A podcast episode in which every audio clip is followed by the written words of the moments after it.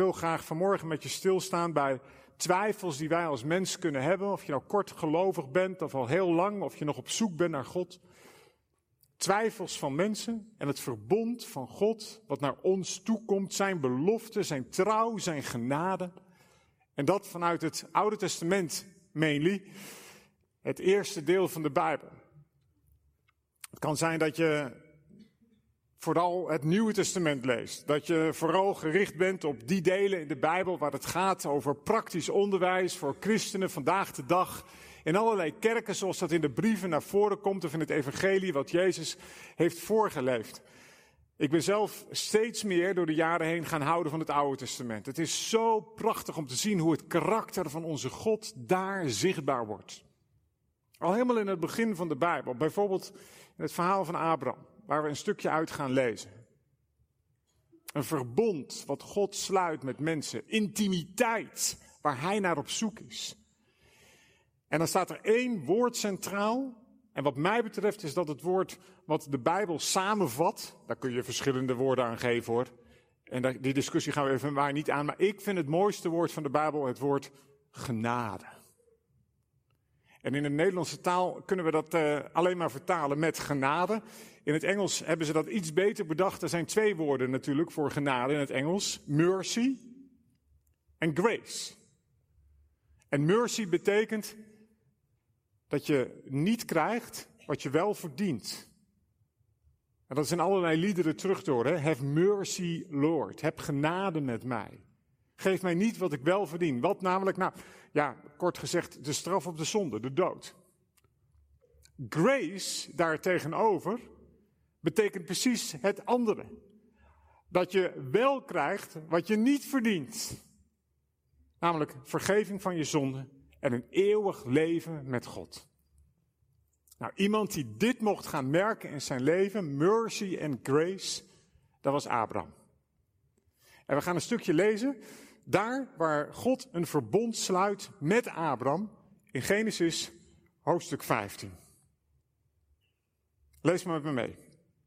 Niet lang daarna richtte de Heer zich tot Abraham in een visioen. Wees niet bang, Abraham, ik zelf zal een schild voor je zijn. Je loon zal vorstelijk zijn. Wees niet bang, dan moet je eventjes weten wat daarvoor is gebeurd in hoofdstuk 14. Waarom zou hoofdstuk 15 beginnen met die woorden wees niet bang? Dat God tegen je zegt wees niet bang. Was Abraham bang? Nou, mogelijk wel. In hoofdstuk 14 heeft hij zijn neef Lot bevrijd. Van een groep misdadigers, een groep soldaten, een groep krijgsheren. Onder andere van een koning, Kedolaomer heette hij. En Abraham die is met een klein legertje knechten en van zijn familie erachteraan gegaan om zijn neef Lot te bevrijden. En het is gelukt. En wat zullen ze dankbaar en blij zijn geweest. Dat je met zo'n klein handjevol mensen die niet echt getraind waren om te vechten, dat je je neef bevrijdt en al het vee en alle dieren die erbij hoorden. Het kan haast niet anders of er is jubelstemming geweest, dankbaarheid geweest. Maar ja, hoe gaat dat vaak in het leven? Dat je iets moois hebt meegemaakt en dan wordt het nacht. En dan denk je, ja. Ja, maar wat als die terugkomt? Wat als die koning revanche komt nemen? Wat op het moment dat hij kwaad is geworden? Dat hij een nederlaag heeft geleden en denkt, ja dag, ik neem je te pakken met een groter leger. Zoiets moet er gebeurd zijn. En dan komt God en die spreekt tot je en die zegt, wees niet bang. Ik ga jou als een schild beschermen. Je loon is vorstelijk. Wel eventjes toepassen in je eigen leven. Want hoe vaak kan het gebeuren dat je overtuigd bent, dankbaar bent, vol van de genade van God. Misschien wel na een zondag dat je blij bent met de aanraking door Gods geest op een conferentie waar je bent geweest, of een Bijbelstudieavond, of misschien gewoon in je eigen stille tijd. En je weet dat Hij er is, dat Hij bestaat, dat Hij leeft, dat Hij zorgt. Ja, en dan hoeft er maar iets te gebeuren.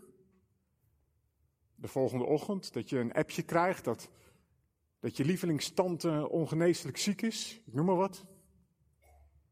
Of dat een broer of een zus verongelukt is. Of wat voor verschrikkelijks dan ook. En dan kan het me zo uit handen geslagen worden. Dat je de dag ervoor nog in de gloria was en dat je de dag erna alles kwijt bent. En dat je zegt, maar heer, hoezo? Waarom? Hoezo? Waarom hij? Waarom zij? Het is toch iemand die voor u leven? Waar bent u dan? Zo gaat dat bij mensen. Bij mij wel tenminste. En wellicht herken je dat wel. Wees niet bang. Je loon zal vorstelijk zijn. Ja. Ja, hoe duidelijk God ook spreekt. Abraham heeft er wel moeite mee. Want hij zegt in vers 2: Heer, mijn God, wat voor zin heeft het om mij te belonen? Ik zal kinderloos sterven en alles wat ik bezit zal het eigendom worden van Eliezer uit Damascus. U hebt mij immers geen nakomelingen gegeven en daarom zal een van mijn dienaren mijn erfgenaam worden. Ja, ja, het is mooi dat God een belofte doet, maar ik heb al zo vaak gevraagd om een kind en ja, u hebt ook wel eens laten weten dat, dat ik dat zou krijgen, maar waar is dat dan? En dan gaat u nu weer iets beloven. Mijn, mijn loon zal vorstelijk zijn. E, even heel plat, even op mijn manier in zijn Amsterdamse Amsterdams. Uh, het gaat allemaal naar die buitenlander. Ga allemaal naar die uh, Syriër, Damascus, die als een knecht voor mij werkt. Het, ik heb geen nakomelingen. Wat wilt u nou eigenlijk? Abraham stelt vragen, maar God geeft antwoord. De Heer, vers 4, sprak opnieuw tot hem. Nee, niet je dienaar zal jouw bezittingen erven, maar een kind dat je zelf zult verwekken. En daarop leidde hij Abraham naar buiten.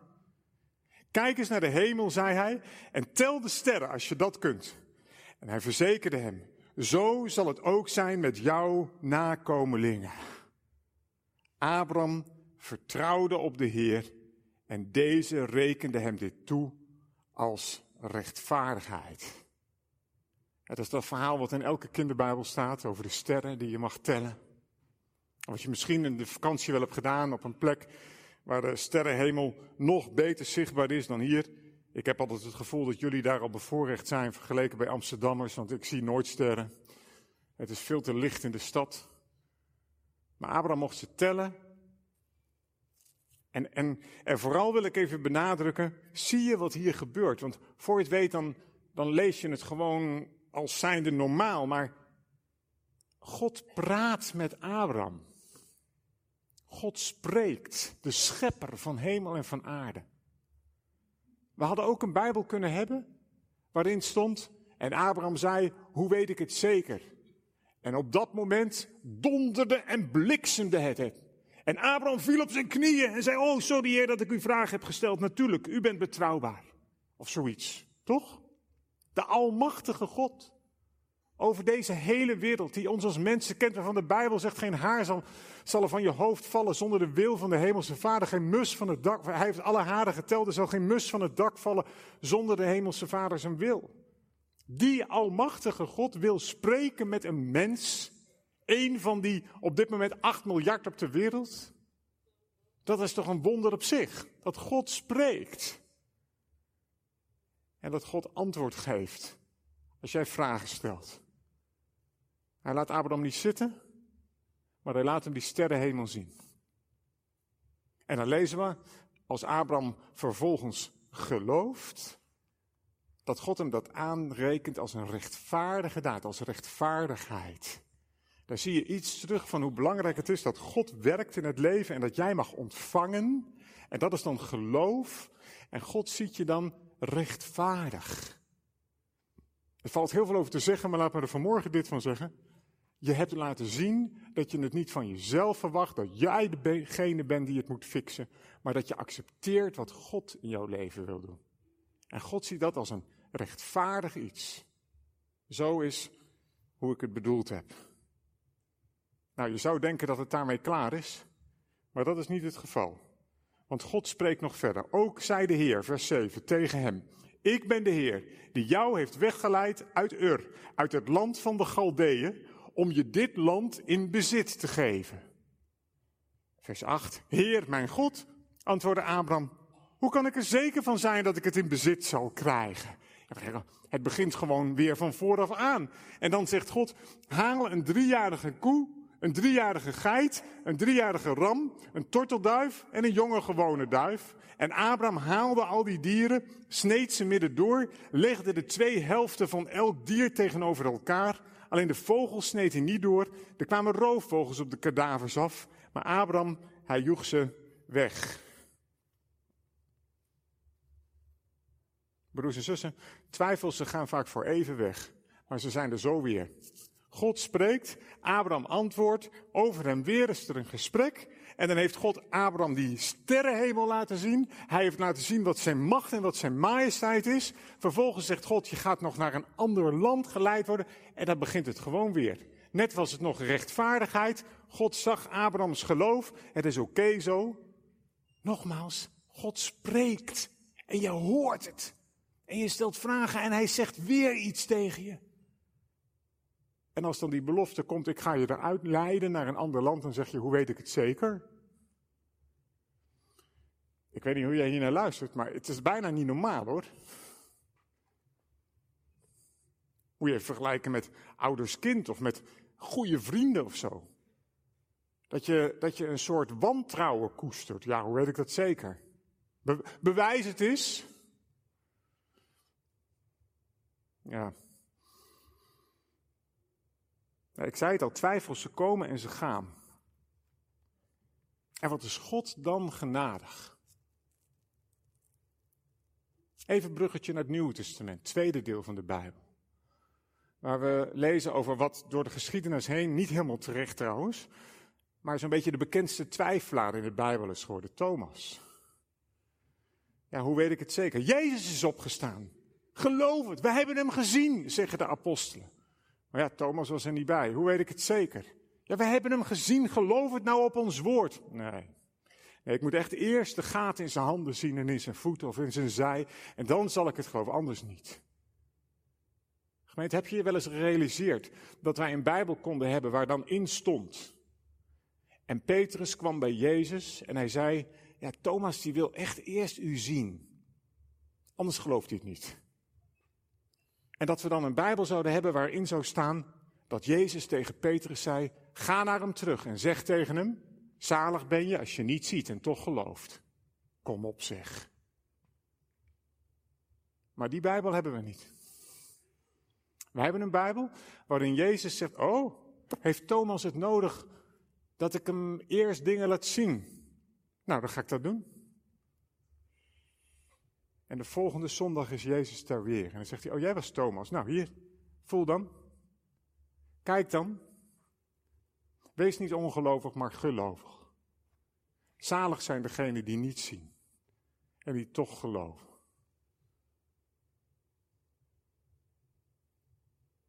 Of die vader die een zoon heeft, die, die ziek is. De Bijbel noemt hem maanziek, anderen zeggen het is epilepsie of wat dan ook, maar in ieder geval bezeten. Hij wordt in het vuur geworpen. De discipelen kunnen hem niet genezen. En dan is uiteindelijk daar Jezus naar de verheerlijking op de berg en die komt daar beneden en die spreekt met die vader. Geloof je dat ik dit doen kan? En het antwoord heb je vast vaker gehoord. Ja, Heer, ik geloof. Kom mijn ongeloof te hulp zegt de vader. Even in normaal Nederlands, ik geloof het, maar ik weet het niet zeker. Of zo je wil, ik denk dat ik het geloof. Of ik geloof het, maar ik twijfel ook wel. En nog één keer die vraag. Stel dat wij een Bijbel hadden gehad waarin stond. En Jezus zei: Ga naar huis. Bid tot God. Kom terug als u het geheel gelooft dan had niemand van jullie gezegd, nou wat een raar verhaal in de Bijbel zeg. Dan hadden we allemaal gezegd, ja, zo is het. Ja, je moet natuurlijk wel helemaal geloven. Ja, maar die Bijbel hebben we niet. We hebben een Bijbel waarin staat, ik geloof, kom mijn ongelovige te hulp en Jezus genas. En dat komt omdat God er een expert in is om af te dalen op het niveau van mensen. Of je nu een vader met een zieke zoon bent, of je heet Thomas, of tal van anderen in de Bijbel, of je bent Abraham. Heb jij dit nodig om te geloven?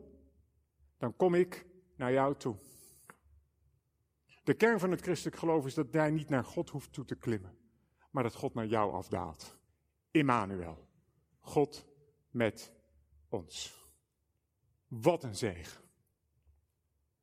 Ja, twijfelen mag. En tegelijk lezen we nergens dat Jezus het op een of andere manier eh, benoemt als zijnde noodzakelijk of oké. Het, is, het, is ook, het is goed als je twijfelt en als je je vragen stelt, maar, maar Jezus laat ook merken, laat het nou een keer varen joh. Ik geloof, kom je, kom mijn ongeloof, geloof nou toch eens dat ik dit gewoon doen kan. En ik ga het voor je doen. Thomas, zalig zijn degenen die het niet zien en die het wel geloven. Blijf niet hangen in die twijfels. Wat moet ik nou allemaal nog doen om je eindelijk te overtuigen van wie ik ben? Nou, het Oude Testament doet God wat hoor. Bij Abraham. Haal een driejarige koe, een driejarige geit, een driejarige ram. En Abraham die haalt ze. En we lazen het net en interessant, Abraham die snijdt die dieren midden door, terwijl God daar geen opdracht toe geeft. En dat laat zien dat Abraham wist hoe laat het was. Want als iemand tegen je zei, oké, haal maar die driejarige koe, driejarige geit, driejarige ram, dan, dan werd er een verbond gesloten. Dan was het zover. Het is een beetje hetzelfde als dat je een huis koopt en je weet dat je naar de notaris moet en je maakt er een afspraak. En als je daar dan zit, dan krijg je die papieren onder je neus geduwd nadat je het hebt voorgelezen. En dan mag je een handtekening zetten. Dan zeg je ook niet van ja, ik weet ook niet precies wat ik, eh, wat, wat, wat wilt u van me? Ja, wat wil ik van je? Een handtekening, vriend. Je bent bij de notaris. En, en dat is wat hier gebeurt.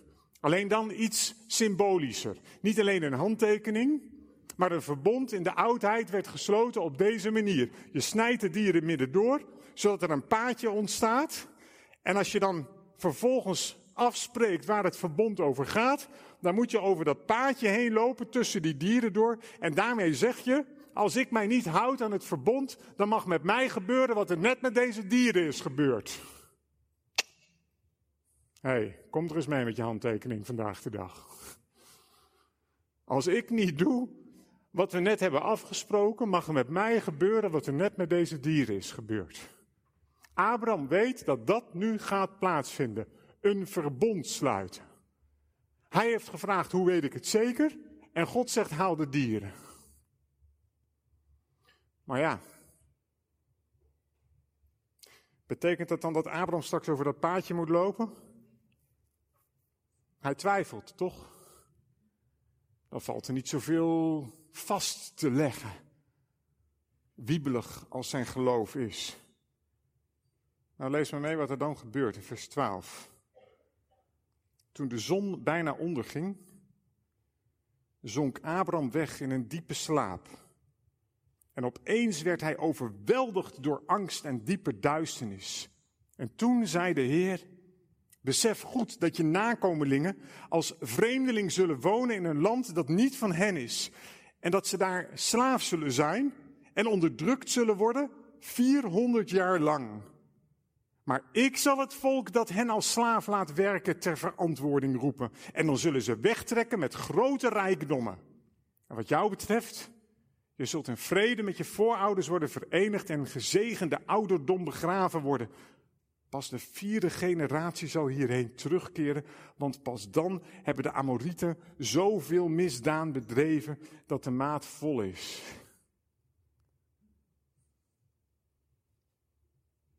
Ja. Ik ga daar niet al te diep op in, maar ik hoop dat je hier zit en wel eens hebt ervaren dat God een antwoord geeft, zomaar op je gebed. Dat Hij laat merken, ik ben er en ik hoor je. Maar wie van ons heeft al eens een keer het antwoord gekregen als bemoediging en als belofte? Luister. Het ging over de zaak toekomst. Ik ga je een land geven, jouw nakomelingen zullen, enzovoort. Daar ging het over. En nou zegt God, over 400 jaar ga ik dit doen. Dat is de vervulling van de belofte. Over 400 jaar. En tussen nu en die 400 jaar is er eerst nog slavernij. En zullen mensen je onderdrukken. En je achter, achter, achter, achter, achter, achter kleinkinderen, ja, die zullen een moment meemaken dat ik hun onderdrukkers ter verantwoording ga roepen. Nou, is dat nou niet mooi? Is dat niet iets waarmee je vooruit kan? Dat is heftig toch? 400 jaar wachten op vervulling van een belofte. Maar een andere belofte gaat eerder komen, dat is dat kindje wat Abraham krijgt. Maar deze belofte die duurt nog even. En toch, ik, zegt God, sluit een verbond met je. En dat gaat gebeuren in vers 17 van Genesis 15. Want toen de zon ondergegaan was en het helemaal donker was geworden, was daar plotseling een oven waar rook uitkwam. En een brandende fakkel die tussen de dierhelften doorging. En die dag sloot de Heer een verbond met Abraham. Dit land, zei hij, geef ik aan jouw nakomelingen. Van de rivier van Egypte tot aan de grote rivier de Uifraat. Het gebied van de Kenieten, de Kenizieten, de Katmonieten, de Hethieten, de Perizieten, de Refaïten, de Amorieten, de Canaanieten, Girgazieten, Jebusieten. Zo'n beetje het hele gebied wat daar op dat moment bekend was. Kijk wat hier gebeurt. Ik heb er een plaatje van meegenomen. Uit de Bijbel van Gustave Doré. Sommigen van jullie kunnen die, kennen dat misschien. Dat is een groot prentenbijbel, een, een ouderwetse, hele mooie. En, en je ziet dan wat hier gebeurt. Abraham ligt hier te slapen. Je hebt daar die vurige oven. En daar komt een fakkel uit. En die gaat tussen die dierhelften door. En we lezen hier woorden die te maken hebben met de grootheid en de heiligheid van God. Het vuur wat uit de oven komt. En dat is vergelijkbaar met het vuur waarvan we elders in de Bijbel lezen dat op de Sinaï God zijn wet geeft, zijn aanwezigheid in de vuurkolom. Daar waar de heiligheid van God is. En daar komt die fakkel en die gaat tussen die dierhelften door. Maar wat betekent het? Ik noemde het al. Het was gebruikelijk in die tijd dat als je een verbond zou sluiten, een afspraak, een contract, nou ja, verbond is nogal wat stevigs. Dan had je dat pad gemaakt en dan moesten de twee mensen door dat pad lopen en zeggen als met me niet hou aan het verbond, dan mag met mij gebeuren wat er met deze dier is gebeurd. Dat is het eerste. het tweede wat je moet weten is dat als er een verbond gesloten werd tussen twee mensen van gelijke hoogte, hoe gek dat ook klinkt, maar toen was dat natuurlijk normaal, bijvoorbeeld door een koning met zijn knecht, dan moest alleen de knecht over het paadje lopen. Want die koning die had zat. Die zou zich wel houden aan het verbond. Nou gaat Abraham van God horen dat God een verbond sluit met hem en volgens de traditie van die tijd heeft Abraham moeten denken dat er maar één persoon over dat pad kon lopen, dat was hij. Hij was de mindere vergeleken bij God. Maar ja, wat zou het geholpen hebben? Abraham was degene die twijfelde. En dan gebeurt dit. Dan komt die fakkel uit die vurige oven en Gods aanwezigheid gaat tussen dat pad, die, die, over dat pad tussen die dierhelften door. En het is alsof God wil zeggen, Abraham, en dit is ongelooflijk hoor. Abraham, als ik me niet houd aan het verbond, aan de belofte, dan mag met mij gebeuren wat er zojuist met deze dier is gebeurd. Abraham, als ik me niet houd aan mijn verbond, aan mijn belofte, laat dan het onmogelijke mogelijk worden. Wat? Dat God sterft. Abraham, als ik me er niet aan hou, dan gaat God dat. Dat is één. Dat is al ongelooflijk. Maar het is nog ongelooflijker als je bedenkt dat we nergens in de Bijbel lezen dat Abraham ook over het paadje gelopen heeft. En weet je wat het betekent? Dat God zegt, Abraham, als ik me niet houd aan het verbond, dan mag ik gedood worden. En nog iets. Als jij je niet houdt aan het verbond, dan mag ik gedood worden. Dat is wat God zegt. Ik sluit mijn verbond met je. Als jij je niet houdt aan het verbond, dan mag ik gedood worden. En gemeente, dat is wat er is gebeurd.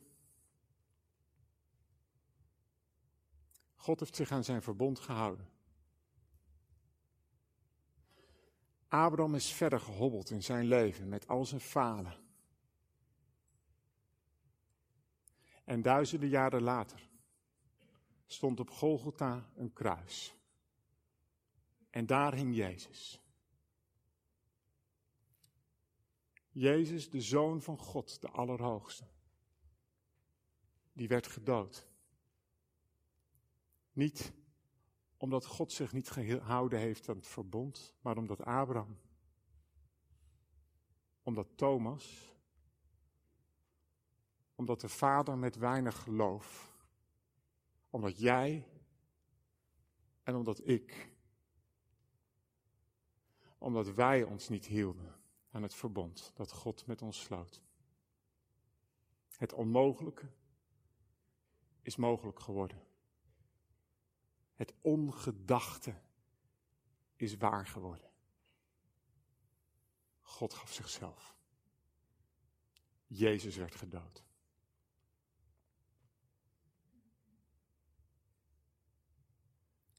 Twijfel je nog? Als Abraham twijfelt aan de woorden van God, dan antwoordt God met een symbool wat waar is geworden, waarin hij zijn leven geeft. Niemand heeft grotere liefde voor zijn vrienden dan degene die zijn leven geeft. Jij en ik, we zijn mens, net als Abraham. En wat kunnen twijfels opspelen? En we zeggen dan twijfelen is menselijk. En dat is waar. Ik hoop dat je vanmorgen leert dat twijfelen mag. En dat het vooral belangrijk is dat je je vragen aan God durft te stellen. Zoals in de psalmen gebeurt, zoals bij Abraham gebeurt, zoals Thomas dat deed en talloze anderen. Maar ik hoop ook dat je leert en accepteert op deze ochtend. Dat God geen zomaar antwoorden geeft op jouw vragen, maar dat God zichzelf geeft. Tot in de dood. En dat is het bewijs van zijn liefde voor jou en voor mij. Dat is het bewijs dat waar is wat er genoemd wordt in het Evangelie in Matthäus hoofdstuk 20. De mensenzoon is niet gekomen om gediend te worden, maar om te dienen. Hij daalt af. Hij zit er niet hoog in de lucht te wachten tot jij een keertje hem bereikt. Of dat het eens een keer lukt om te geloven of te vertrouwen. Dat het eindelijk een keer voor elkaar is om niet meer te twijfelen. Nee, nee, nee, nee. God daalt af naar mensen. En hij zegt, heb je dit nodig? Dat ik zo dichtbij kom? Daar? met jouw vragen. Of je een Abraham heet of Thomas. Hier ben ik. Ik geef mezelf als antwoord op jouw vraag. En mijn verbond dat ik met je sluit. Waarin ik mijn kant van de verantwoordelijkheid neem, zegt God. En jawel, ook jouw kant van de verantwoordelijkheid neem. Is vast en zeker. En dat is wat je ziet bij het symbool van het kruis. Ik wens je de zekerheid van onze God. Ik wens je toe dat je met Paulus kan zeggen, Abba, Vader, u alleen. U behoor ik toe. Van u mag ik zijn. Niet om wat ik voor mekaar gebokst heb. Want daar is wel het nodig op aan te merken met al mijn vragen en mijn zorgen. Maar omdat wat u in uw verbond hebt beloofd en om dat wat u hebt gedaan. Amen. Laten we een moment nemen om samen te danken en te bidden.